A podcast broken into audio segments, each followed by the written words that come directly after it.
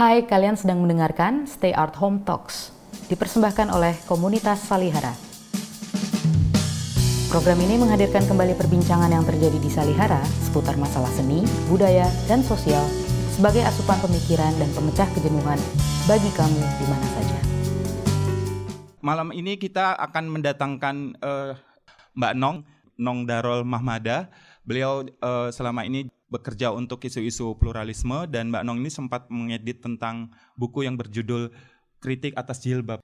Mungkin uh, Mbak Nong bisa um, apa menambahkan tentang tafsir atau pemahaman dalam konteks jilbab ini. Iya, uh, terima kasih. Seperti kata Toyo, saya juga punya kesan yang bagus terhadap film yang dibikin oleh Mbak Yati karena membuat tema yang begitu kompleks ya, uh, kontroversi gitu. Uh, di Indonesia juga masih terus menerus berlangsung apakah jilbab itu wajib atau tidak. Itu uh, dibikin sangat rileks gitu. Uh, isu tentang uh, jilbab salah satunya di Indonesia juga uh, seiring dengan Soeharto turun era reformasi itu juga rame rame seiring dengan banyaknya perda yang disebut dengan perda syariah adanya uh, pemberlakuan syariat Islam misalnya di di Aceh presidennya itu juga pertama kali kan agenda utamanya adalah bagaimana mengatur perempuan. Saya mengutip fakta dan data-data yang dirangkum oleh Komnas Perempuan. Yang mana dari data-data itu kemudian Komnas juga supaya secara audio visual dan supaya masyarakat itu bisa lebih memahami, menangkap pesannya, makanya kemudian dibikin film atas nama itu. Misalnya ada satu kasus di film tema pertama ya tentang korban peda syariah di Tangerang itu Lilis dan saya juga baru tahu kalau ternyata setahun kemudian itu Lilis tuh meninggal. Saya ketika pertama kali nonton film itu di Komnas Perempuan kebetulan saya diundang oleh Komnas Perempuan untuk menonton film itu. Saya saya terus terang saya menangis. Saya ini orangnya cengeng gitu ya. Saya menangis karena saya nggak nggak nggak nggak menyangka bahwa Lilis itu setelah penangkapan setahun kemudian berdasarkan pengakuan dari saudaranya, suami dan anaknya itu dia mengalami semacam depresi karena adanya stigma. Jadi setelah penangkapan itu itu masyarakat tuh sudah lain gitu melihat Lilis itu bahwa dia seorang pelacur karena penangkapan oleh satpol itu. Nah, ini adalah korban dan kita nggak tahu dan berdasarkan uh, temuan-temuan dari Komnas Perempuan, Lilis hanyalah salah satu korban dari penangkapan akibat dari dampak negatif dari Perda Syariat itu. Dan banyak lagi kalau di Aceh saya kira mungkin hampir ya setiap hari uh, ada itu yang namanya korban soal pakaian gitu dari mulai misalnya uh, cuma sekedar pakai jeans udah pakai jilbab tapi cuma pakai jeans aja ditangkap kayak gitu-gitu. Terus disalahkan uh, perempuannya karena karena pakai jeans dia layak diperkosa kayak gitu. Jadi hampir itu tiap hari uh, kita bisa uh, membaca tentang berita soal perempuan yang katakanlah tidak sesuai pakaiannya berdasarkan aturan yang katakanlah pemerintah dalam hal ini laki-laki inginkan.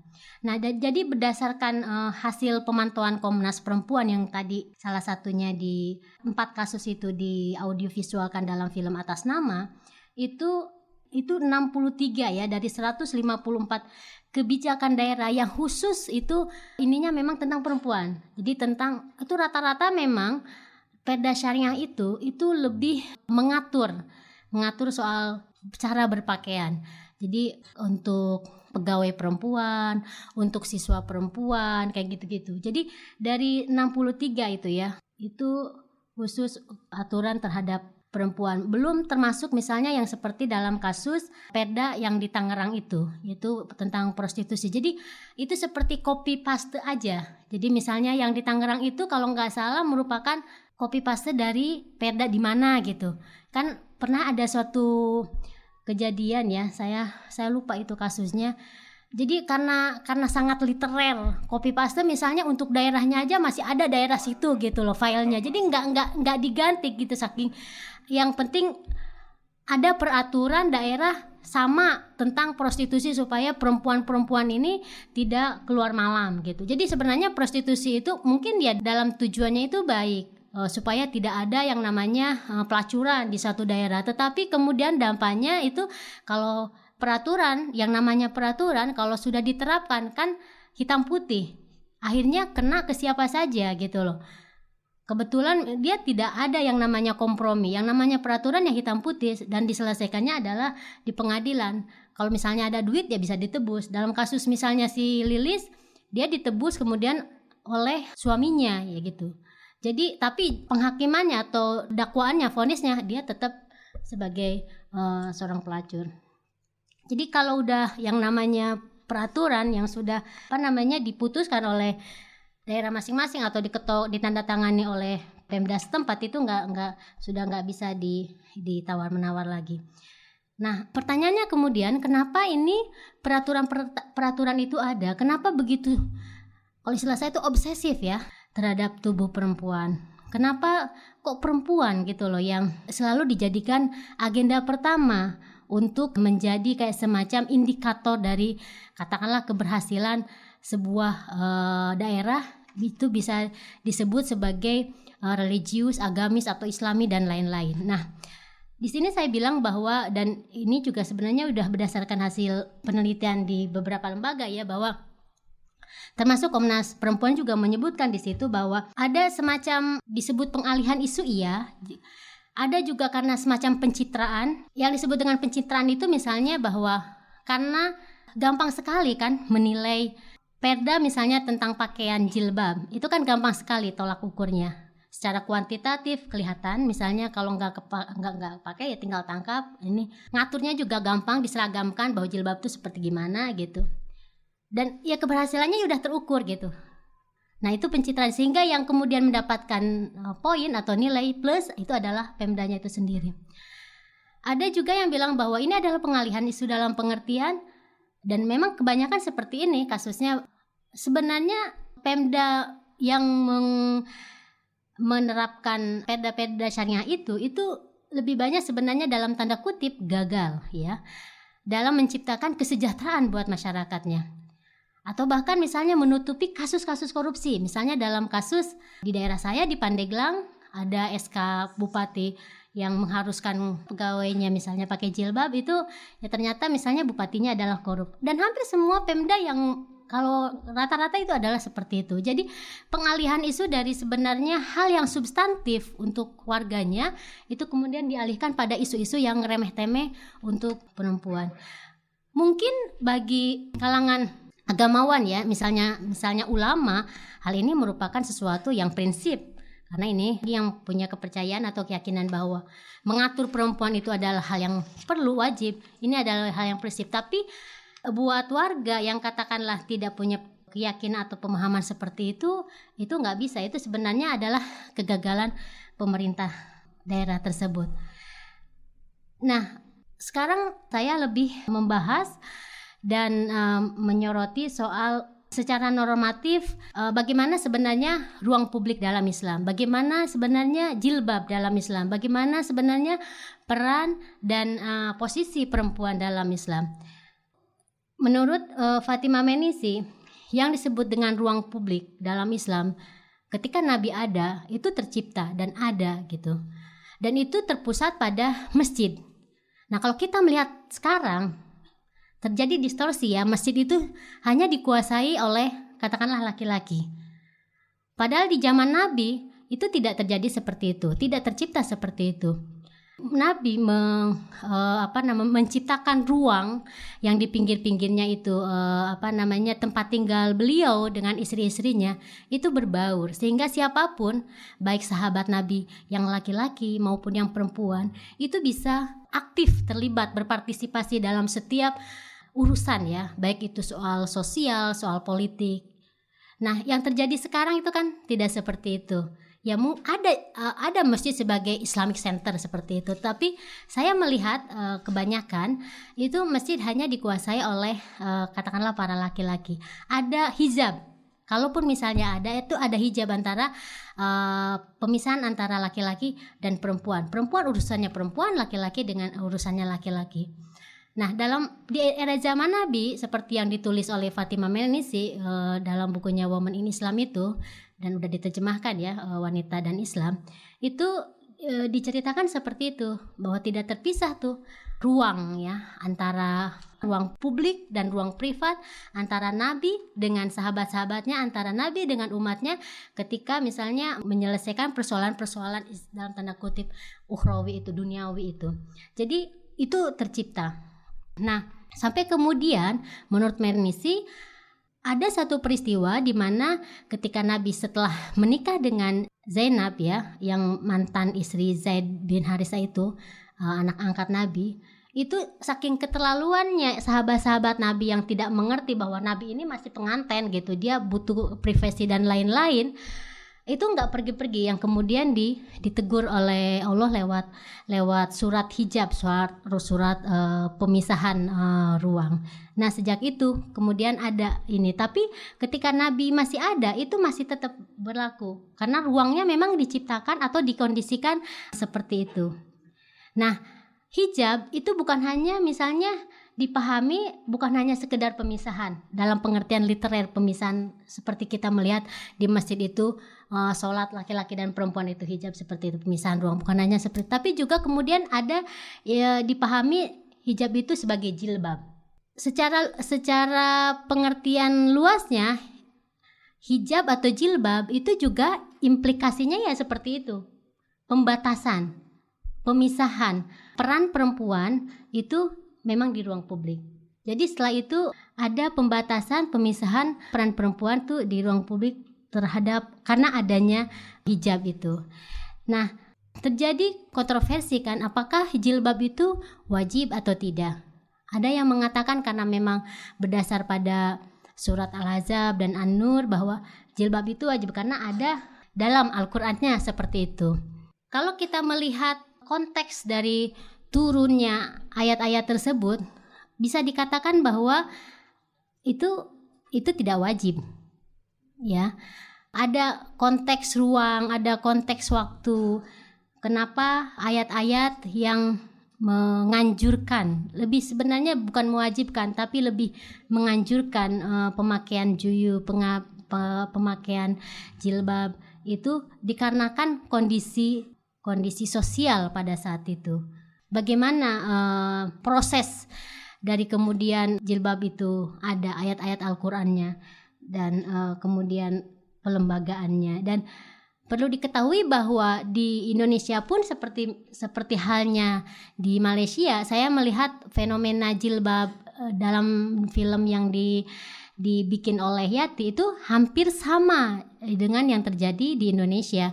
Jadi trennya itu pemakaian jilbab seperti yang kita pakai selama ini, jilbab yang yang teman-teman yang di sini juga pakai, itu sebenarnya buat saya itu juga, eh, buat saya yang saya ngalami tahun 80-an ya, uh, karena saya karena saya kebetulan dari pesantren, kemudian tinggal di pesantren, itu itu baru gitu.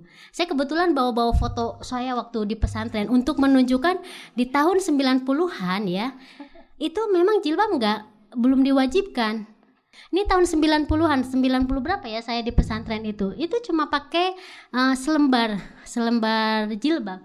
Ini nggak ada kewajiban harus pakai jilbab. Ini ada ini adalah anak kiai besar, anak kiai saya ya, namanya Kiai Ilyas dan sekarang jadi tokoh tokoh perempuan di Tasikmalaya. Dulu dia pakai pakai cuma begini aja gitu di pesantren ini anak kiai besar. Itu tahun 90-an.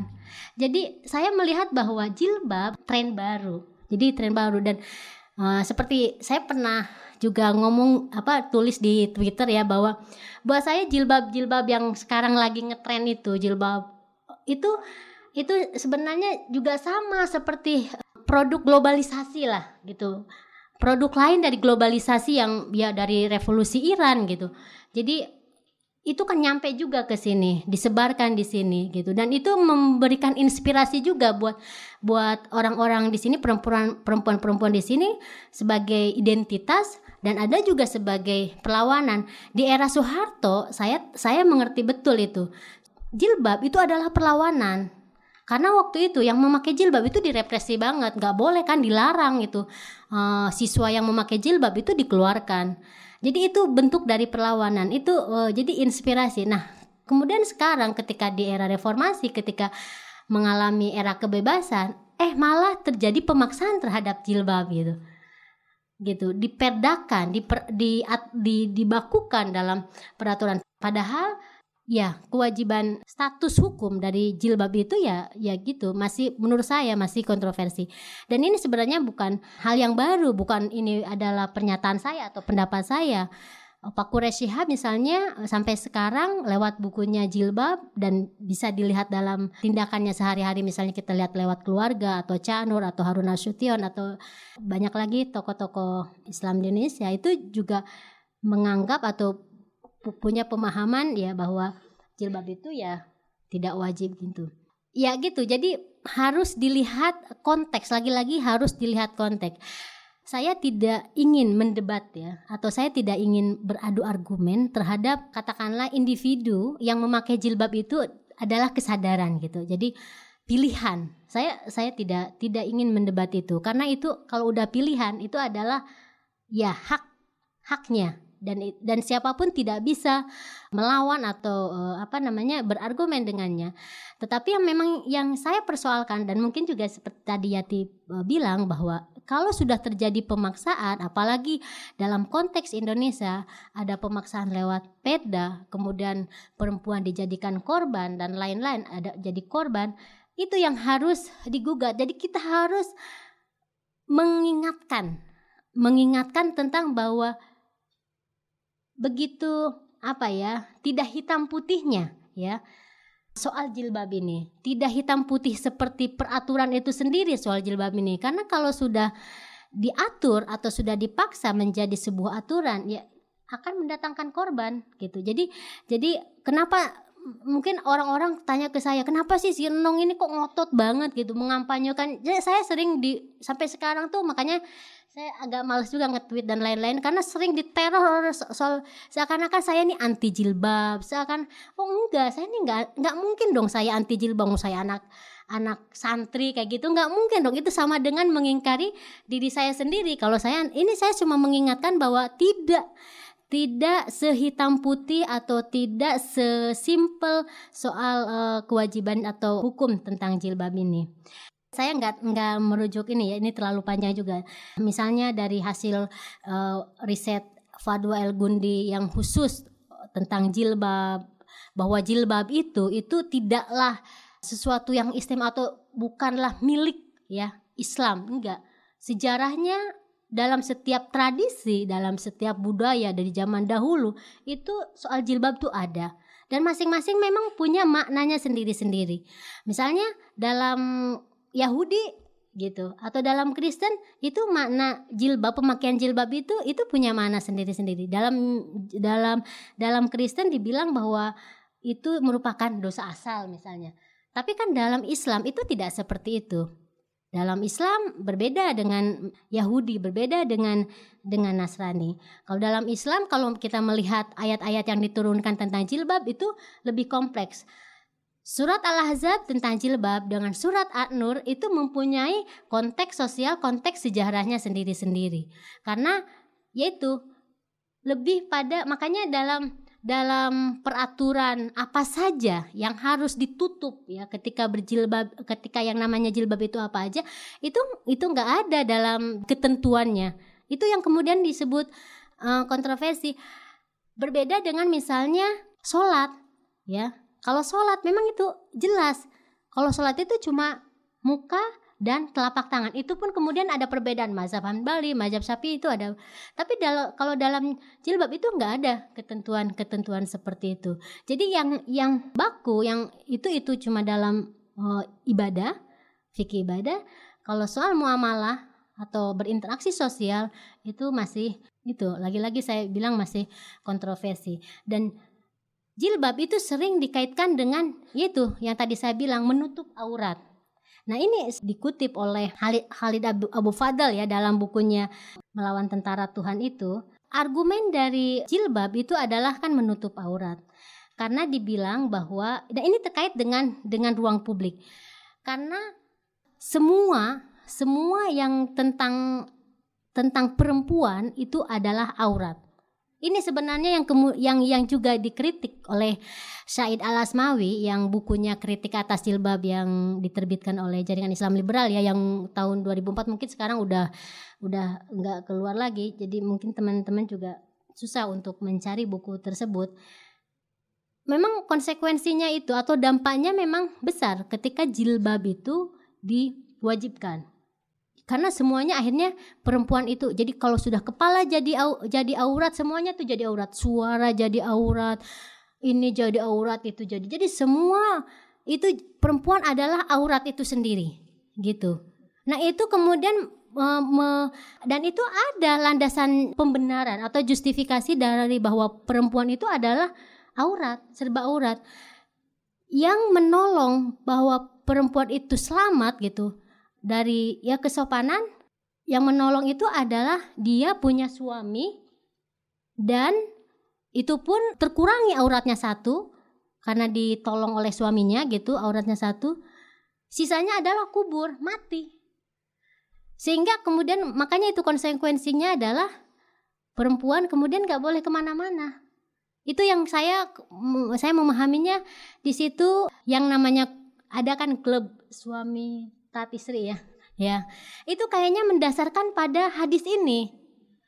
Pada hadis bahwa lil mar'ati asyru auratin. Gitu. Jadi dalam perempuan itu ada 10 aurat. Ini diriwayatkan oleh Ibnu Abbas katanya. Jadi seorang perempuan itu memiliki 10 aurat. Bila dia menikah, maka suaminya menutupi dari ke-10 aurat itu. Dan jika ia mati, maka kuburanlah yang menutupi isi sisanya. Nah, versi yang berbeda masih oleh Ibnu Abbas menyebutkan bahwa perempuan memiliki dua penutup untuk menjaga kesopanannya, yaitu pernikahan dan kuburan. Jadi, kalau dia belum mati, kalau dia misalnya belum punya suami kan berarti di aurat semua kan? Yang menolong dia itu adalah suaminya. Itu pun kalau misalnya dia mau ke mana-mana itu harus izin dari suaminya tersebut. Kalau enggak, ya dia pasti masuk neraka. Akhirnya dalam kita sering mendengar kisah-kisah bahwa yang banyak mengisi uh, penghuni neraka itu itu perempuan ya karena karena ini. Karena ada ada cerita-cerita seperti ini bahwa perempuan itu ya penuh dengan aurat. Jadi kesimpulan logis yang bisa digambarkan dari hadis ini adalah bahwa perempuan harus penuhnya sopan atau menikah atau mati dan dikuburkan. Nah, tidak mengherankan bila Al-Ghazali mendasarkan pernyataan pada hadis ini bahwa seorang perempuan yang telah menikah harus terus berada di dalam rumahnya, tidak meninggalkan rumahnya kecuali mendapat izin suami dan menjauhi pembicaraan dengan tetangga. Kalau dalam kitab Uku dulu Jen ya, ini juga udah udah biasa nih kalau di pesantren udah biasa. Sekarang juga udah ada terjemahan Siapa yang keluar dari rumah tanpa izin suami, dia akan mendapatkan azab neraka. Nah, bahkan ada cerita katanya, ibunya sakit, itu tidak bisa menengoknya karena dia tidak mendapatkan izin dari suami. Itu menurut saya itu absurd itu. Cerita-cerita seperti itu gitu. Itu cuma untuk apa? Menegaskan atau me melegitimasi suami aja. Bahkan katanya kalau menolak keinginan suami untuk berhubungan seks, maka para malaikat akan uh, memusuhinya kayak kayak gitu. Jadi nah ini ini adalah cerita lanjutan cerita cerita lanjutan dari hadis seperti ini. Nah, menurut Khalid Abu Fadl yang men menulis menceritakan ini, kita harus melihat bahwa hadis-hadis yang mengatakan tentang perempuan itu serba aurat itu lagi-lagi seperti ayat Al-Quran yang menjadi uh, rujukan dari jilbab itu sendiri. Jadi yang kita lihat itu bukan pada teks ya, teks literal, bunyi atau pernyataan hadis tersebut, tapi kita harus melihat ken kenapa sih kok bisa ada pernyataan seperti itu. Gimana sih sebenarnya kondisi masyarakat waktu itu? Bagaimana sebenarnya perempuan diimagekan atau dicitrakan ya pada saat itu. Nah, itu yang harus digali. Jadi sebuah hadis keluar meskipun katakanlah itu berasal dari sabda Nabi, itu ada kondisi objektif uh, sosial pada saat. Nah, itu yang menurut Khalid Abu Fadl yang harus kita teliti, yang harus kita berani ungkapkan bahwa ada apa di balik itu semua. Jadi dan itu tidak jangan membuat membuat kita buta gitu loh. Apa ya? tertutup untuk mengembalikan sebenarnya Islam misalnya hadir ke dunia ini nih untuk apa? Jadi misalnya kita sering banget dan ini sudah akrab di telinga kita tentang bahwa apa Islam hadir atau lahir ke dunia itu untuk memuliakan perempuan. Itu itu sering banget dan itu terbukti dalam dalam ayat-ayat Al-Qur'an itu itu itu jelas banget bahwa memang Islam hadir memang untuk memuliakan perempuan. Apalagi di tengah kondisi masyarakat waktu itu yang sama sekali tidak tidak apa namanya tidak menganggap perempuan itu dalam tanda kutip ada. Jadi yang terpenting dari kita semua gitu, kalau buat saya adalah bersikap kritis ya, bersikap kritis dan terbuka. Jadi ini sebenarnya kunci dari kenapa ya kita diberikan akal, kita diberikan pengetahuan, disuruh belajar dan lain-lain ya untuk untuk seperti ini gitu untuk berani kalau istilah uh, Khalid Abu Fadal itu dan kembali lagi pada persoalan soal hijabisasi perempuan di Indonesia lewat perda-perda dan lain-lain. Itu dikarenakan hal-hal yang tadi saya ceritakan bahwa misalnya soal jilbab yang yang semestinya menjadi semacam perdebatan ya atau karena ini eh, sifatnya masih sangat kontroversi ada ada konteks sosial ada ruang dan waktu yang menyelimuti itu semua itu kemudian ditutup dihentikan perdebatannya dan kemudian menjadi sebuah aturan yang baku yang itu ya udah jadi aturan yang kita ya tidak bisa berpendapat apa-apa selain harus menuruti mengikuti aturan tersebut dan kalau kita tidak mengikuti aturan tersebut ya dianggap salah. Nah, itu yang terjadi. Jadi terima kasih. Terima kasih Mbak Nong eh, sekalian juga eh, cerita pengalamannya yang pernah nyantri dan punya pesantren orang tuanya. Jadi beberapa hal yang disampaikan oleh Mbak Nong itu bahwa pemahaman atau pemahaman soal jibab dan aurat bagi perempuan ini juga menjadi perdebatan dan itu jelas di filmnya Mbak Yati tadi uh, Pak Kurai Sihab juga menegaskan apa yang disebut aurat tadi ya. Dan Mbak Nong sebenarnya yang menegaskan persoalan kebijakan negara yang mewajibkan warga negaranya dalam hal ini perempuan gitu. Walaupun secara teks misalnya pasal-pasalnya tidak menyebut khusus perempuan, tapi uh, menggunakan uh, pakaian Islami misalnya, tapi yang disasar adalah selalu tubuh perempuan. Itu sebenarnya yang di uh, sangat ditekankan oleh Mbak Nong untuk menjadi kritis gitu bahwa menggunakan jilbab atau menggunakan rok mini itu adalah otoritas tubuh perempuan gitu. Itu sebenarnya uh, yang paling penting. Seperti di Aceh sebenarnya bukan cuma jilbab yang menjadi perdebatan soal sholat gitu yang jelas sudah wajib. Kita juga menolak kalau saat sholat itu menjadi kebijakan negara gitu dan orang yang nggak sholat dikejar-kejar gitu. Itu juga uh, ini saya so soalnya dua kali suruh nanda tanganin uh, karena ketahuan tidak sholat Jumat gitu. Agak lucu juga KTP saya Muslim soalnya. Jadi itu mungkin uh, yang sedang Mbak Nong uh, sampaikan selain juga uh, bahwa tubuh perempuan menjadi komoditi ya, komoditi bisnis dan di filmnya Mbak Yati tadi ditampilkan uh, peragaan busana kalau Prada mengeluarkan pakaian bus, busana muslim dengan harga mungkin ratusan juta rupiah gitu.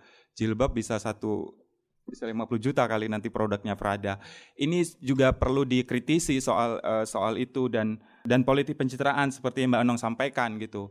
Cenderung pemerintah kalau mengeluarkan perda-perda yang mewajibkan uh, tubuh perempuan dengan pakaian-pakaian tertentu justru justru itu menjadi kegagalan pemerintah itu dan cenderung korup. Dan tadi saya tanya Mbak Yati, ternyata di Malaysia itu tidak ada kewajiban secara institusi negara mewajibkan perempuan menggunakan jilbab atau uh, ya hizab atau apa dan tidak ada hukuman. Ternyata lebih parah di Indonesia kayaknya. Di Aceh itu jelas kanun itu menegaskan. Jadi kalau perempuan nggak pakai jilbab atau nggak pakai aturan aurat yang menurut waletul hisbah, maka mereka akan ditangkap dan dicambuk gitu. Dan Malaysia ternyata tidak punya kebijakan itu. Ini memang gara-gara uh, para laki-laki menganggap bahwa tubuh perempuan itu sebagai uh, sumber sahwat katanya gitu korbannya juga laki-laki sebenarnya. Saya percaya tidak semua laki-laki itu melihat oh, misalnya rok pendek atau pakai jilbab yang bagaimana terus jadi nafsu pengen merkosa. Saya yakin tidak semua laki-laki di sini seperti ini. Sebenarnya itu merendahkan laki-laki juga kan? Iya kan, bener kan? Merendahkan laki-laki. Terutama saya, saya merasa dilecehkan banget. Saya pernah ngantri di busway. Uh, saya nggak tahu kalau ini ternyata busway syariah gitu kan.